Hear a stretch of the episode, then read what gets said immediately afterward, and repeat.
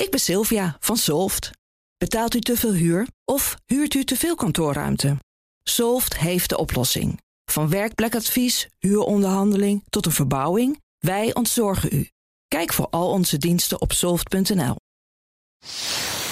Dat is ook nee, helemaal niet het is ook goed om te ontspannen. Hè? Want je, anders krijg je weer te veel stress. Oh. Oké, toegevoegd aan herinneringen. Oh, Nou, nou, bij deze is het toegevoegd aan de herinneringen. Ik ben Kees Dorrestein. en ik ben Diederik Gommers. Ja, bekend IC-arts en OMT-lid. En in deze podcast beantwoordt hij jouw coronavragen.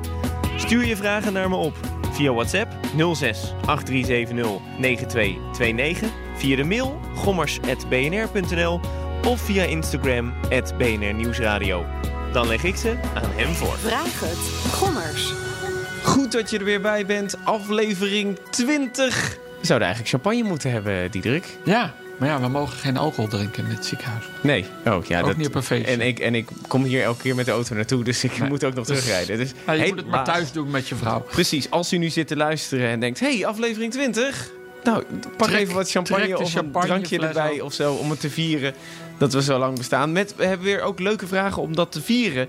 Bijvoorbeeld over een eh, nieuw vaccin dat nu getest wordt. Hey, weer eentje op de lijst. Wat kunnen we daarvan verwachten? En krijg je andere soort antistoffen als je corona hebt gehad... dan van een vaccin? Dat beantwoorden allemaal zo. Eh, allereerst, Diederik, voel je je goed? Fit? Ja, ik voel me hartstikke goed. En ehm, ja, vandaag hebben we dan. Het is vandaag vrijdag, hè? Zien we veel besmettingen, duidelijk meer. Ehm, maar eigenlijk hadden we de afgelopen week op de intensive care. Verwachten we een toename. En die bleef een beetje uit. Dus ehm, ja, En, kan die stijging dan nog straks komen? Wat ja, later dat zit er de ja? tijd in. We zitten heel de tijd te wachten wanneer komt die stijging.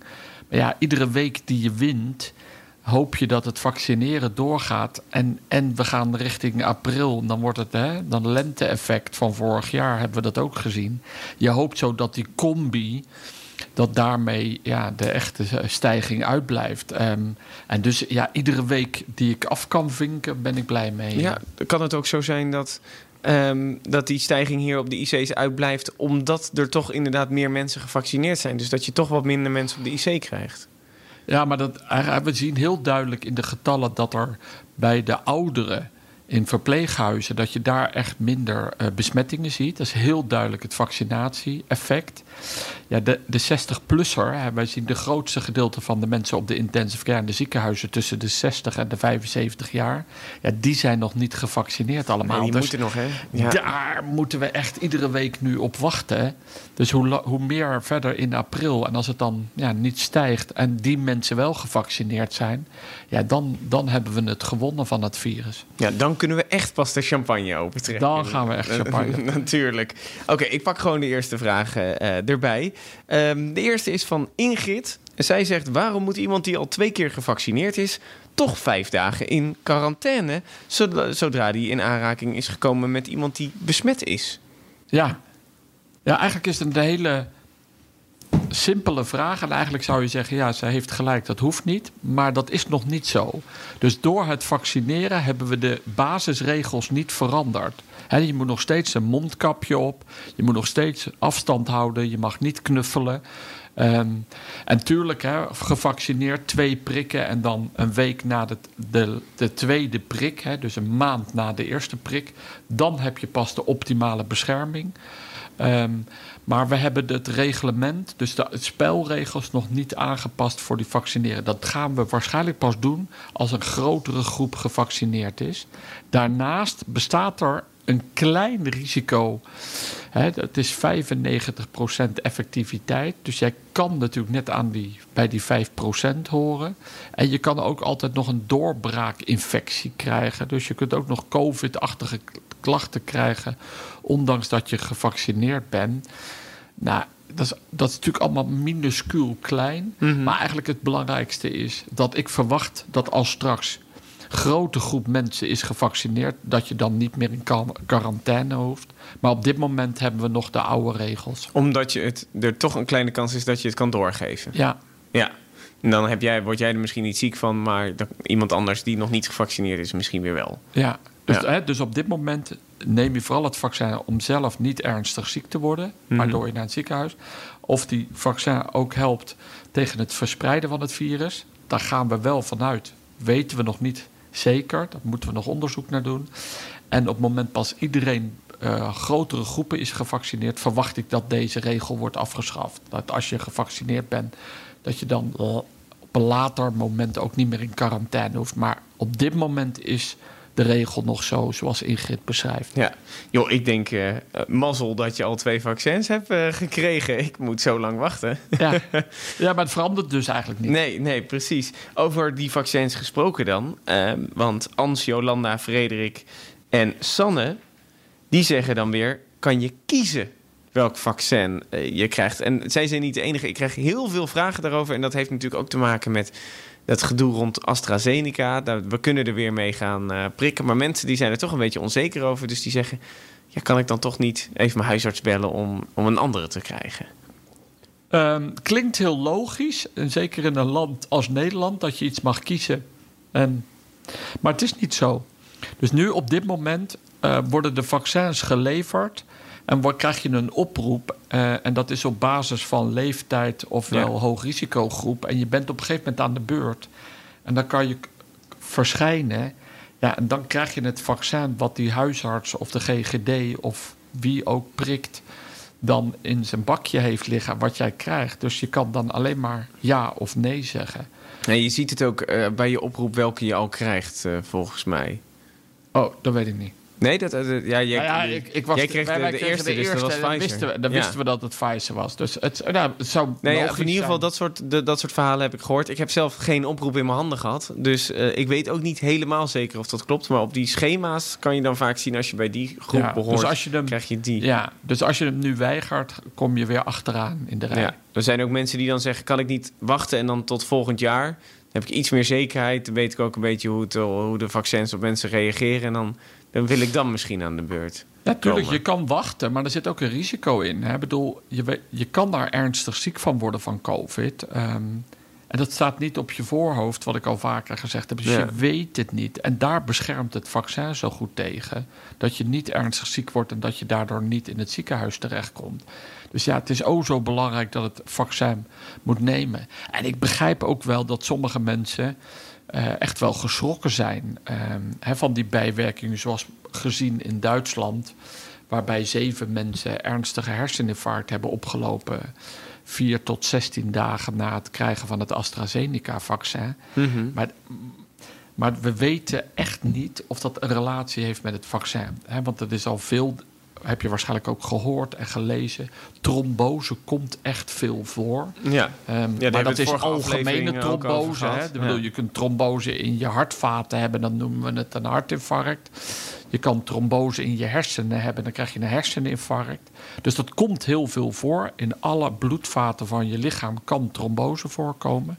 Dat zien we ook heel erg na COVID. Dus COVID is ook zo'n ziekte die dat echt veroorzaakt. Dus daarom moet je eigenlijk ook vaccineren.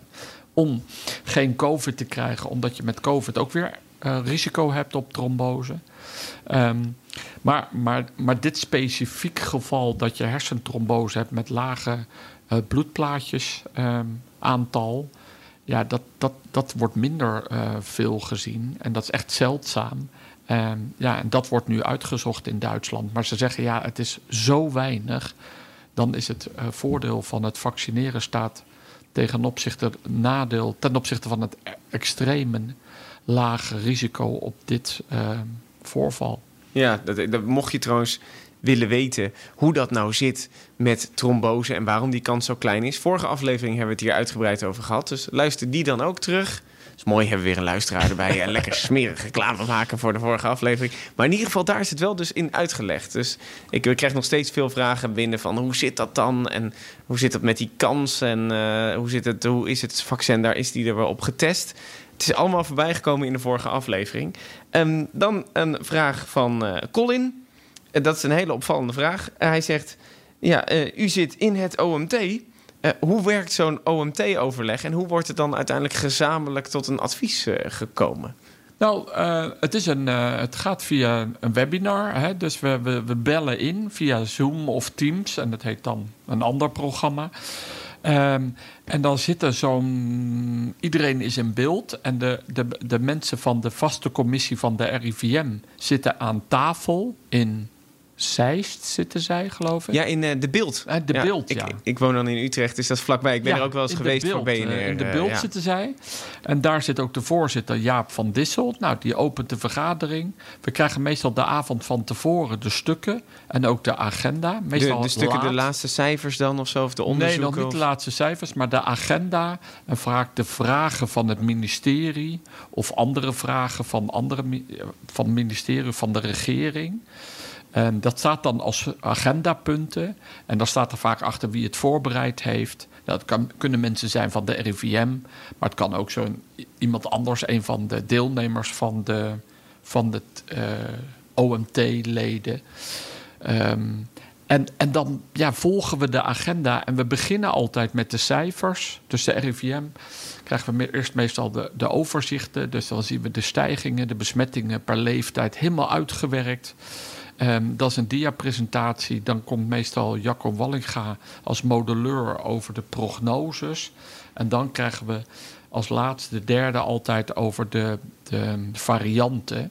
Wat er tot nu toe gevonden is. Ja, er is nu weer een Franse variant opgedoken. De, de, de, de Bre- Bretonse. Ja, de wordt het Bretons, genoemd. eh, ja, Ja. die had, heeft al of niet te maken met het afnemen van het materiaal. Die zit al of niet verder op in je neus. Dus ja, dat heeft dat, ook, dat is lastig om die te detecteren, blijkt. niet. ja, om op, Ja. goed op te halen. Nou ja, dat bespreken we dan. En eigenlijk meestal worden eerst die presentaties gegeven.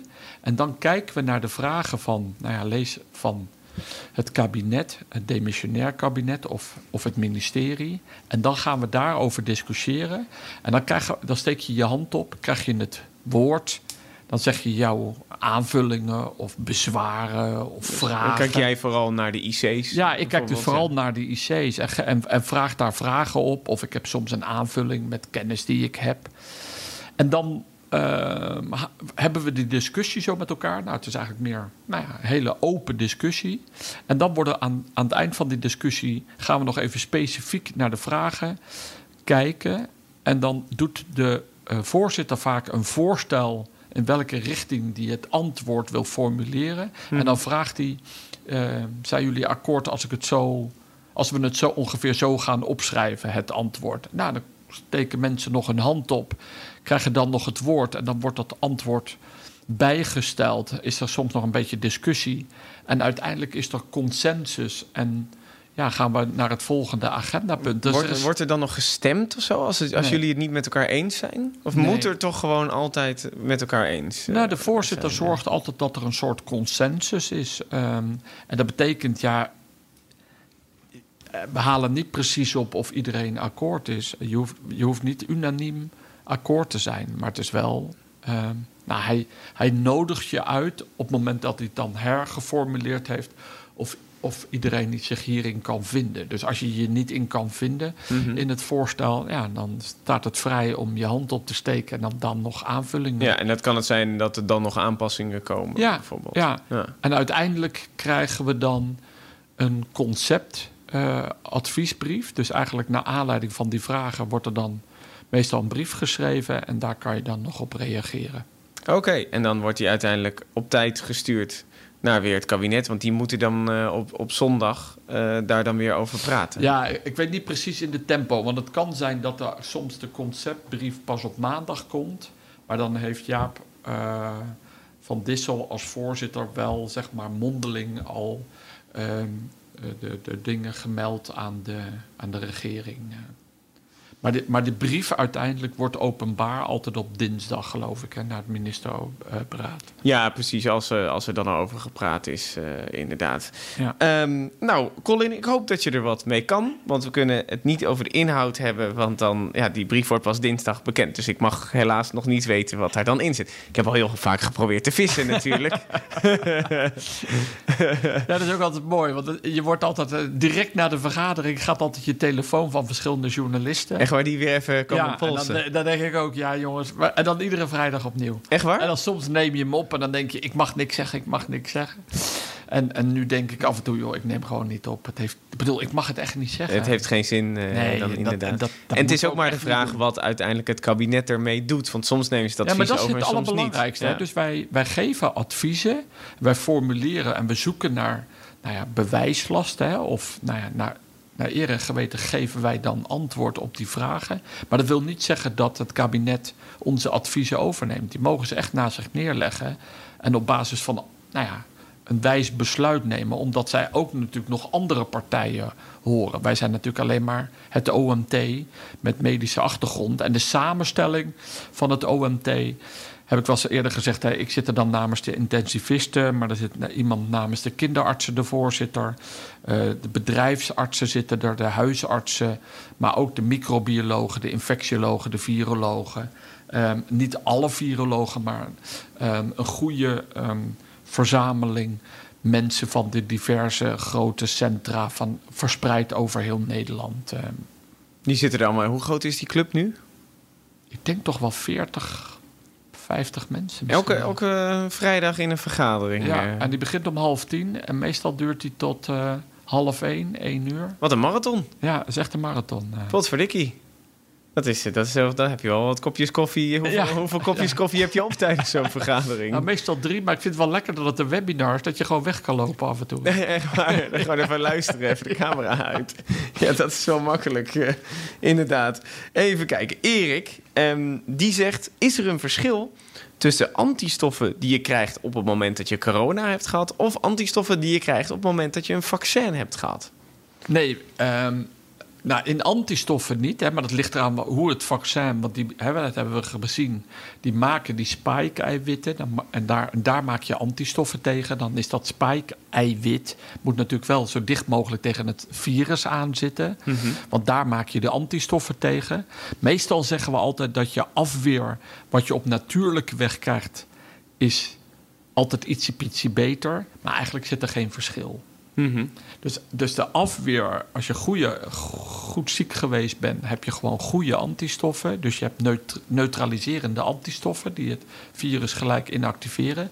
Maar je hebt ook nog, zoals dat dan heet, een cellulaire afweer. Je hebt ook nog cellen die, dat, die de cellen kapot maken waar het virus in zit. En er zitten ook nog geheugencellen. Dus als die jouw afweer een beetje nou ja, weggezakt is, omdat je weinig contact hebt met het virus en er komt ineens een virus in je lichaam, dan zijn die geheugencellen die maken het de rest van de afweer weer even wakker. Ja, die herinneren, je hebt wat in je archief staan. En ja, ik, eh, ik kom op jongens, jullie moeten aan het werk. Zo Ja. is het. En eigenlijk kan je zeggen, het maakt eigenlijk niet uit eh, of je nou via het vaccin de goede afweer hebt of eh, via de natuurlijke afweer. Het scheelt een heel klein beetje. Dat, Ja, dat het scheelt al een klein beetje. Hè, want als je er medisch en in detail naar gaat kijken, kan je natuurlijk zeggen: hè, bedoel, ze kijken naar de, de afweer, of die hè, dus die antistoffen opwekt en ook die cellulaire afweer. Maar de vaccins die we tot nu toe gebruikt hebben, doen dat echt goed. Die, Ja. die doen echt beide. En daarom zijn we zo tevreden. Over de, bijvoorbeeld die mRNA-vaccins, omdat ze dat zo goed doen. Ja, en ook bij strak- ouderen. Ja, omdat ze het zo strak eh, doen, inderdaad. Ehm, Roy dan, die ehm, heeft het eh, AstraZeneca-vaccin gehad... vlak voordat er, allemaal gedoe mee was. Er gaat weer vanaf volgende week mee geprikt eh, worden. Hij zegt, ik ben er een dag beroerd van geweest. Een beetje de standaard bijwerkingen. Eh, en nu heb ik gehoord dat je van de tweede Pfizer-prik... dat je daar eigenlijk beroerder van kan worden dan van de eerste prik. En hij zegt, hoe kan dat dan? Want dan kent je lichaam het toch al... als je de tweede prik hebt gehad. En hij maakt zich een beetje zorgen dat hij nog beroerder wordt voor zijn tweede prik. Nou, ik kan hem geruststellen, daar kun je geen bijl op trekken. Ehm, het hoeft echt niet zo te zijn dat hij beroerder wordt van zijn tweede prik. Ehm, is gewoon echt per persoon bepaald dan. ja, maar je kan niet zeggen als je de eerste keer beroerd ervan wordt, word je de tweede keer ook beroerd. Want sommige mensen die de eerste keer ehm, ehm, niet beroerd zijn, worden soms van de tweede prik. Eh, en sommigen worden helemaal niet beroerd van twee prikken. Ehm, dus daar kan je geen pijl op trekken. We, we dachten te merken dat als je de, bij de eerste prik ehm, m- iets meer eh, COVID-achtige klachten krijgt, dus beroerd ervan bent. De vraag is een beetje of je dan niet stiekem toch al COVID gehad hebt, al of niet. Ehm, dat werd wel gesuggereerd. Ehm, en nu is ook door de Gezondheidsraad Mhm. besloten dat je maar één prik hoeft te hebben na COVID. Dus, dus dat zou er eventueel mee te maken eh, kunnen hebben. Maar ook dat is weer geen zekerheid. Het is dus niet zeker dat. Maar dan, dan is het dus zo dat. Op het moment dat je de, de, dat de eerste prik hebt gehad en je wordt er beroerd van, kan het dus zijn dat je al COVID hebt gehad en dat hij daar dan nog wat op ja, reageert? zonder dat je het weet, hè, dat je helemaal geen klachten hebt gehad of je hebt je niet laten testen.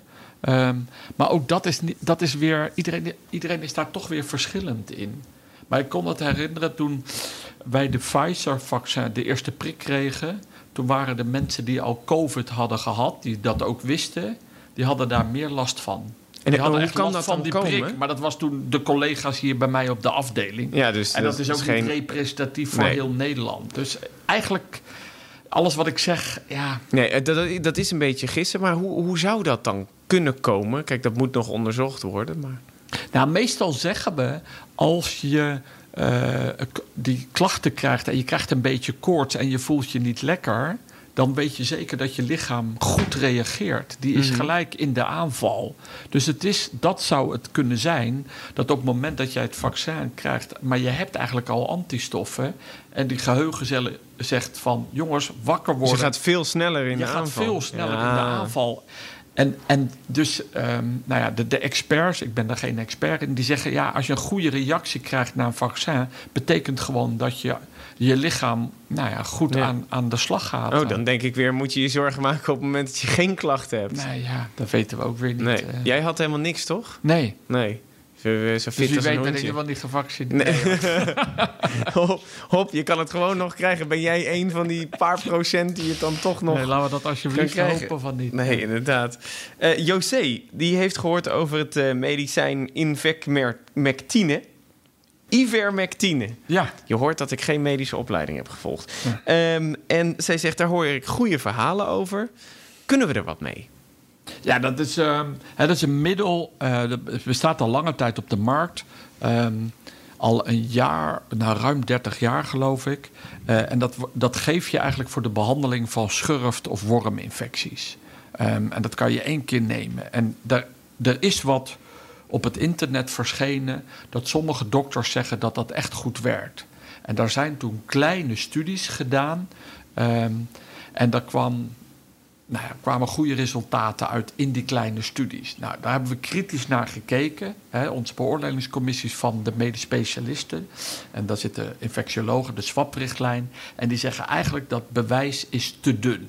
Hè, Die studies zijn, daar kan je Te op- kleine groep? te klein of, eh, of, zo de, hoe dat opgezet is. Maar recent is er een grotere studie verschenen, een randomized control eh, trial. Hè, dus dan ge- gebruik je dat middel, maar je geeft ook placebo, hè, wat we het vaker over ja, hebben. hoe ze ook de vaccins testen. Als daar een hele grote groep, eh, om dan te hè, vergelijken. Dus dan weet je niet Wat je hebt gehad. ja. wat je hebt gehad. Nou, dat is een grote studie, verschenen in een nou, belangrijk tijdschrift, die JAMA heet dat. Eh, en daar zijn 476 patiënten getest. Ehm, en de ene groep die kregen dus vijf dagen lang ehm, een kuur met, nou ja, middel eh, een vloeistof. Mhm. Ehm, en, en uiteindelijk komt daar geen verschil in. Er komt eigenlijk uit dat in patiënten met milde COVID-klachten, dus dat is niet als je in het ziekenhuis wordt opgenomen, maar gewoon ja, mild thuis, Mhm. ehm, maar wel met een positieve PCR-test, maar die niet zuurstofbehoefte nodig hadden en ook niet beademing. Nee, dus gewoon die ziek, maar niet zo ziek als er is in een het studie ziekenhuis. in Chili gedaan. Mhm. En daar zien ze eigenlijk dat als je nou dat middel hebt gekregen, dan heb je niet eerder ben je klachtenvrij. Dus ze hebben gekeken gedurende de eerste drie weken. En als je dat middel krijgt, maakt het eigenlijk geen verschil dan als je gewoon water krijgt, dus placebo. Ehm, ja, en dus zeggen ze in die studie: het heeft geen zin om dat middel Nee. te geven. Dus het kan bij toeval zijn geweest dat deze mensen daar dan op gereageerd hebben in die kleine het is- studie. het- ja, ik bedoel, er is. Ja, dit middel is natuurlijk niet gemaakt eh, voor COVID-19. Eh, het is goedkoop. Hè. Een behandeling kost geloof ik 37 euro, 40 euro. Ehm, maar er is gewoon geen bewijs voor dat het zin heeft om te geven. Ehm, maar op het internet staat dat sommige dokters eh, of dat er toch trials zijn, ehm, die echt hele mooie resultaten, maar dat zijn eigenlijk hele kleine studies. Dus ja, na deze randomized controlled trial ben ik ervan over, ja, zou ik zeggen, het werkt niet en het heeft geen zin. Helaas. Eh, maar bedankt voor de suggestie, José. Dat, dat kunnen we dan wel zeggen. Dan een eh, vraag van Frans. En dat is toch wel een bijzondere vraag. Hij zegt: eh, Mijn ouders van 77 die zijn ervan overtuigd dat hun afweersysteem zo goed is dat ze geen vaccin nodig hebben. Hij zegt: Ik ben 38, ik heb ook twee kinderen. Eh, ik wil dat vaccin dan weer wel nemen. Maar stel eh, dat zij die keuze maken en niet het vaccin nemen, geeft dat dan later nog problemen als ik dat vaccin wel heb gehad? Want ik, ik maak me een beetje zorgen. En ja, moet ik ze misschien overtuigen? Hij vraagt een beetje advies wat dat betreft. Ja. Nou ja, zijn ouders moeten vooral zelf beslissen. En als, ehm, ja, en als die moeder en vader zeggen: ja, wij maken echt goed. En wij willen, wij maken goede afweer. En wij zijn niet bang en wij zijn gezond. Wij willen het vaccin niet. Ja, dan is dat hun besluit. Ehm, als hij wel het vaccin neemt. ehm, en hij is daarna goed beschermd en hij heeft goede afweer. Eh, en als we straks ook weten dat als je een vaccin genomen hebt, dat je ook niet besmettelijk bent, ja, dan. En als we dat allemaal weten, dan kan hij straks wel naar zijn ouders toe. Want Ja. dan, als, hij wordt er zelf niet ziek van als zij ziek zijn. En als het nou blijkt, en dat hopen we natuurlijk, dat als jij het vaccin genomen hebt, dat je uiteindelijk ook niet meer besmettelijk bent. Eh er zijn wat eerste studies die laten dat al misschien zien. Nou, dat zullen we verderop in de tijd, zullen we daar nog meer resultaten van krijgen. En als dat blijkt, en dat hopen we ook echt, en daar gaan we ook wel een beetje vanuit, ja, dan is hij niet besmettelijk. Ja, dan kan hij eh, veilig eh, naar zijn ouders toe. Ja, dus dat is dan nog eventjes afwachten ook. Als we wat meer van dat soort Ja, resultaten... Maar het is wel een risico natuurlijk. Hè? Want je kan natuurlijk, ja, net wat we net zeiden, je kan net eh er doorheen breken of En, maar, een variant meenemen of iets en dergelijke. En dan lopen die ouders natuurlijk toch eh, risico. En ze, zitten in, ze, zijn, ze zijn op leeftijd, dus ze hebben een hogere eh, sterftekans. Maar ja, het is hun besluit. Ja, bedoel, kijk, iedereen moet gewoon zelf kiezen. Ja, precies. Eh, iedereen mag natuurlijk zelf kiezen of hij een vaccin neemt of niet. Ehm, dan denk ik wel, als dat doorbreekt, wat je zegt, dat, er dan, dat je dan toch blijkbaar corona krijgt. Houdt het dan ook in dat je dan weer klachten krijgt? Of kan Ja. het zijn dat je daar helemaal niks van merkt? Ja, alles kan, hè? want nu ehm, merken we dat ook. Dat je, sommige mensen hebben helemaal geen klachten en die laten zich testen om een andere reden. En dan blijken ze toch positief te zijn. Dus Mhm. het kan wel. Maar laten we hopen dat je gewoon natuurlijk. We gaan er eigenlijk vanuit dat je vooral als je gevaccineerd bent, dat als je weer COVID-achtige klachten krijgt, dan is het advies: laat je opnieuw testen. En zo moet je dat denk ik ook mee, mee omgaan. Ik bedoel, Mhm. ja, anders. Je, je krijgt nooit 0% of je krijgt ook Nee, dat is, 100%. dat is, dat is Dus onmogelijk. dat is altijd een stukje grijs gebied. Maar ik zou in zijn geval, dus eh, mocht hij naar zijn ouders willen en die ouders hebben zich niet gevaccineerd en hij heeft klachten, dan zou ik zeggen: laat ik me eerst testen en wacht ik de testuitslag krijg. Maar als hij gewoon gevaccineerd is en we hebben de informatie dat je niet besmettelijk bent, dan kan hij denk ik veilig naar zijn ouders. Gewoon weer eh, daar naartoe gaan. Ehm, dan ehm, heeft eh, Marianne een vraag. En zij zegt: eh, De EMA doet op dit moment een rolling review van het CureVac-vaccin. Wat voor vaccin is dat? Ja, dat is eigenlijk hetzelfde als de Pfizer en de Moderna. Dus het is een mRNA-vaccin. ehm, in Duitsland eh, ontwikkeld. Ehm, die wordt nu nog getest. Dus de, die fase 3 trial, hè, dus ehm, het vaccin ten opzichte van de controlegroep, het placebo. Ja, dus de testen onder tienduizenden mensen. Ja, dus dat doen ze nu in 35.000 mensen. En als het goed is, is die studie binnenkort afgerond en kan de data in april naar de EMA. En dan horen we ook wat de effectiviteit is geweest. Op dit moment loopt die studie nog. Mhm. Eh, en hebben we dus ook geen getallen.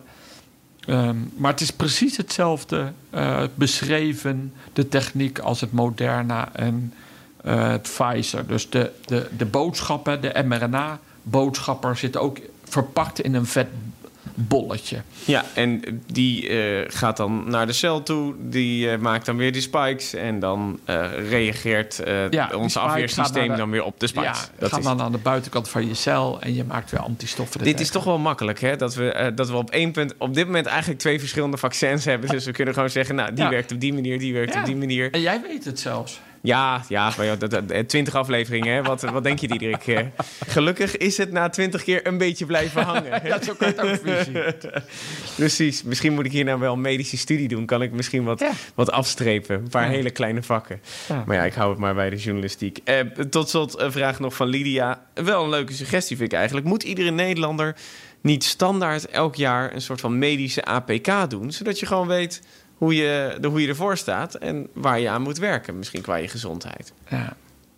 Nou ja, kijk, het allerbelangrijkste wat ik we toch een beetje geleerd hebben van de tijd, is toch wel dat we eigenlijk wat meer aan preventie moeten doen. En ik vind het eigenlijk ook jammer dat het ministerie ehm, dat eigenlijk niet opgepakt hebben. Hè? Want we hebben met COVID geleerd dat het wat iets te dikke mensen waren, suikerziekte.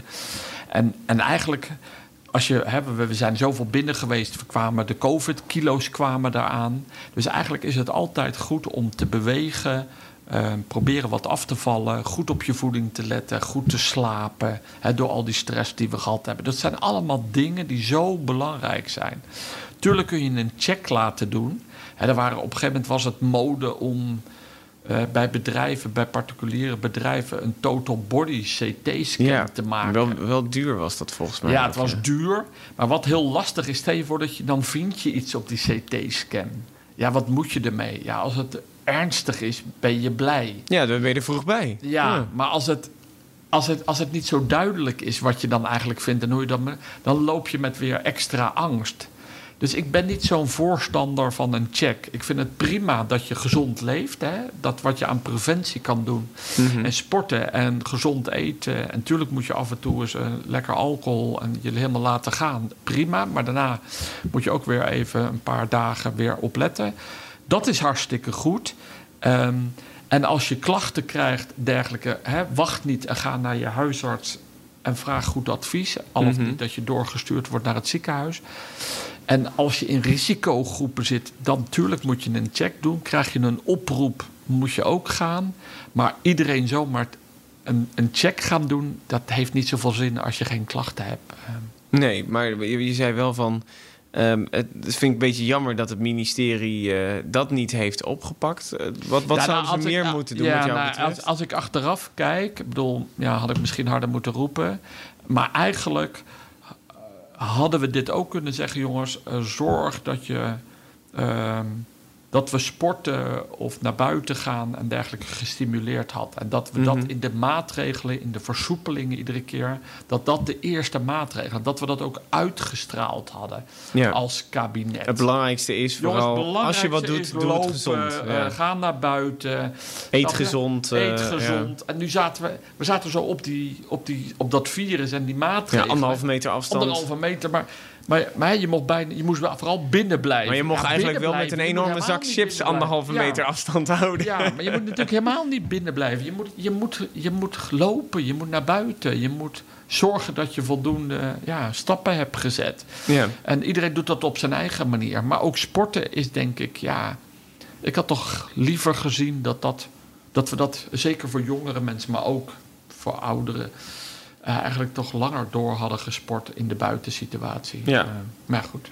Dus nou, bij, bij deze is dat dan iedereen die hier naar luistert, eh, pakt die kans. Ja, ik denk en echt dat je moet... Ja. Ja. ik denk echt, en gelukkig wordt het nu ook weer mooier weer. Is het ook iets aantrekkelijker. Maar, maar ik denk echt dat je goed op moet letten. Dat je niet te veel bent aangekomen. En, en, en dat je gewoon probeert een beetje gezond te leven. Ik ben maar van sport gewisseld tijdens corona. Ik ben gaan tennissen, want ik dacht een tennisbaan is groot. En er Ja. zit nog een net tussen. Oh ja. Dus je kan, eh, je dat is een van de weinige sporten. ja, met z'n vieren. exact, ja. Dus dat is leuk. En zelfs met dubbele hou je eigenlijk wel afstand. En eh, eh, alleen, ik vond dat in de winter, toen het zo koud was, nou, toen voelde ik hem wel. eh daar heb ik wel aardig ingepakt. Ja, ga gewoon goed sporten.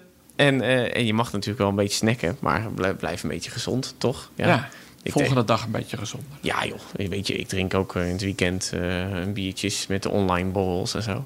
Dus eh, hè, niemand eh, is eh, een geheel onthouden, om het maar zo te zeggen. Dat is ook nee, helemaal nee, niet maar leuk. het is ook goed om te ontspannen. Hè? Want je, anders krijg je weer te veel stress. Oh. Oké, toegevoegd aan herinneringen. Oh, Nou, nou, bij deze is het toegevoegd aan de herinneringen. Wat was dit? Ja, dat, dat je gewoon moest borrelen het weekend. ja, precies. Nou, blijkbaar bij deze serie. weekend en dan gaat hij. eh, En dan dan denkt hij, oh, afspraak. Los, wegwezen, inpakken deze podcast set, borrelen. Nou, bij deze, ik... Ja, eh, het is tijd om te borrelen, het toch, i- volgens mij. precies. Ja, kwart over zes. Het is eh, kwart over zes. De vijf is al in de klok geweest zelfs. Ehm, heb je een vraag voor Diederik in deze podcast? Je kan hem appen 06 83 70 9229 of mail hem gommers.pnr.nl. En dan zet ik hem weer op het lijstje om hem voor te leggen. En dat doe ik dan nadat we geborreld hebben. Na dit weekend maak ik weer gewoon een nieuw lijstje. Dus je hebt de hele weekend de tijd om een vraag te bedenken. En daarna ook nog wel. Diederik, succes. Ja, tot volgende Heb, week. heb jij ook nog wel tijd voor de borrel dan? Natuurlijk. Ja? Ik heb een rustige avond. Ik ga gelijk borrelen dadelijk als ik Oké, tijd ben. nou. Voor die twintigste. Voor, voor de twintigste. Yes, Ja. we hebben wat te vieren. Tot de volgende. Tot volgende week.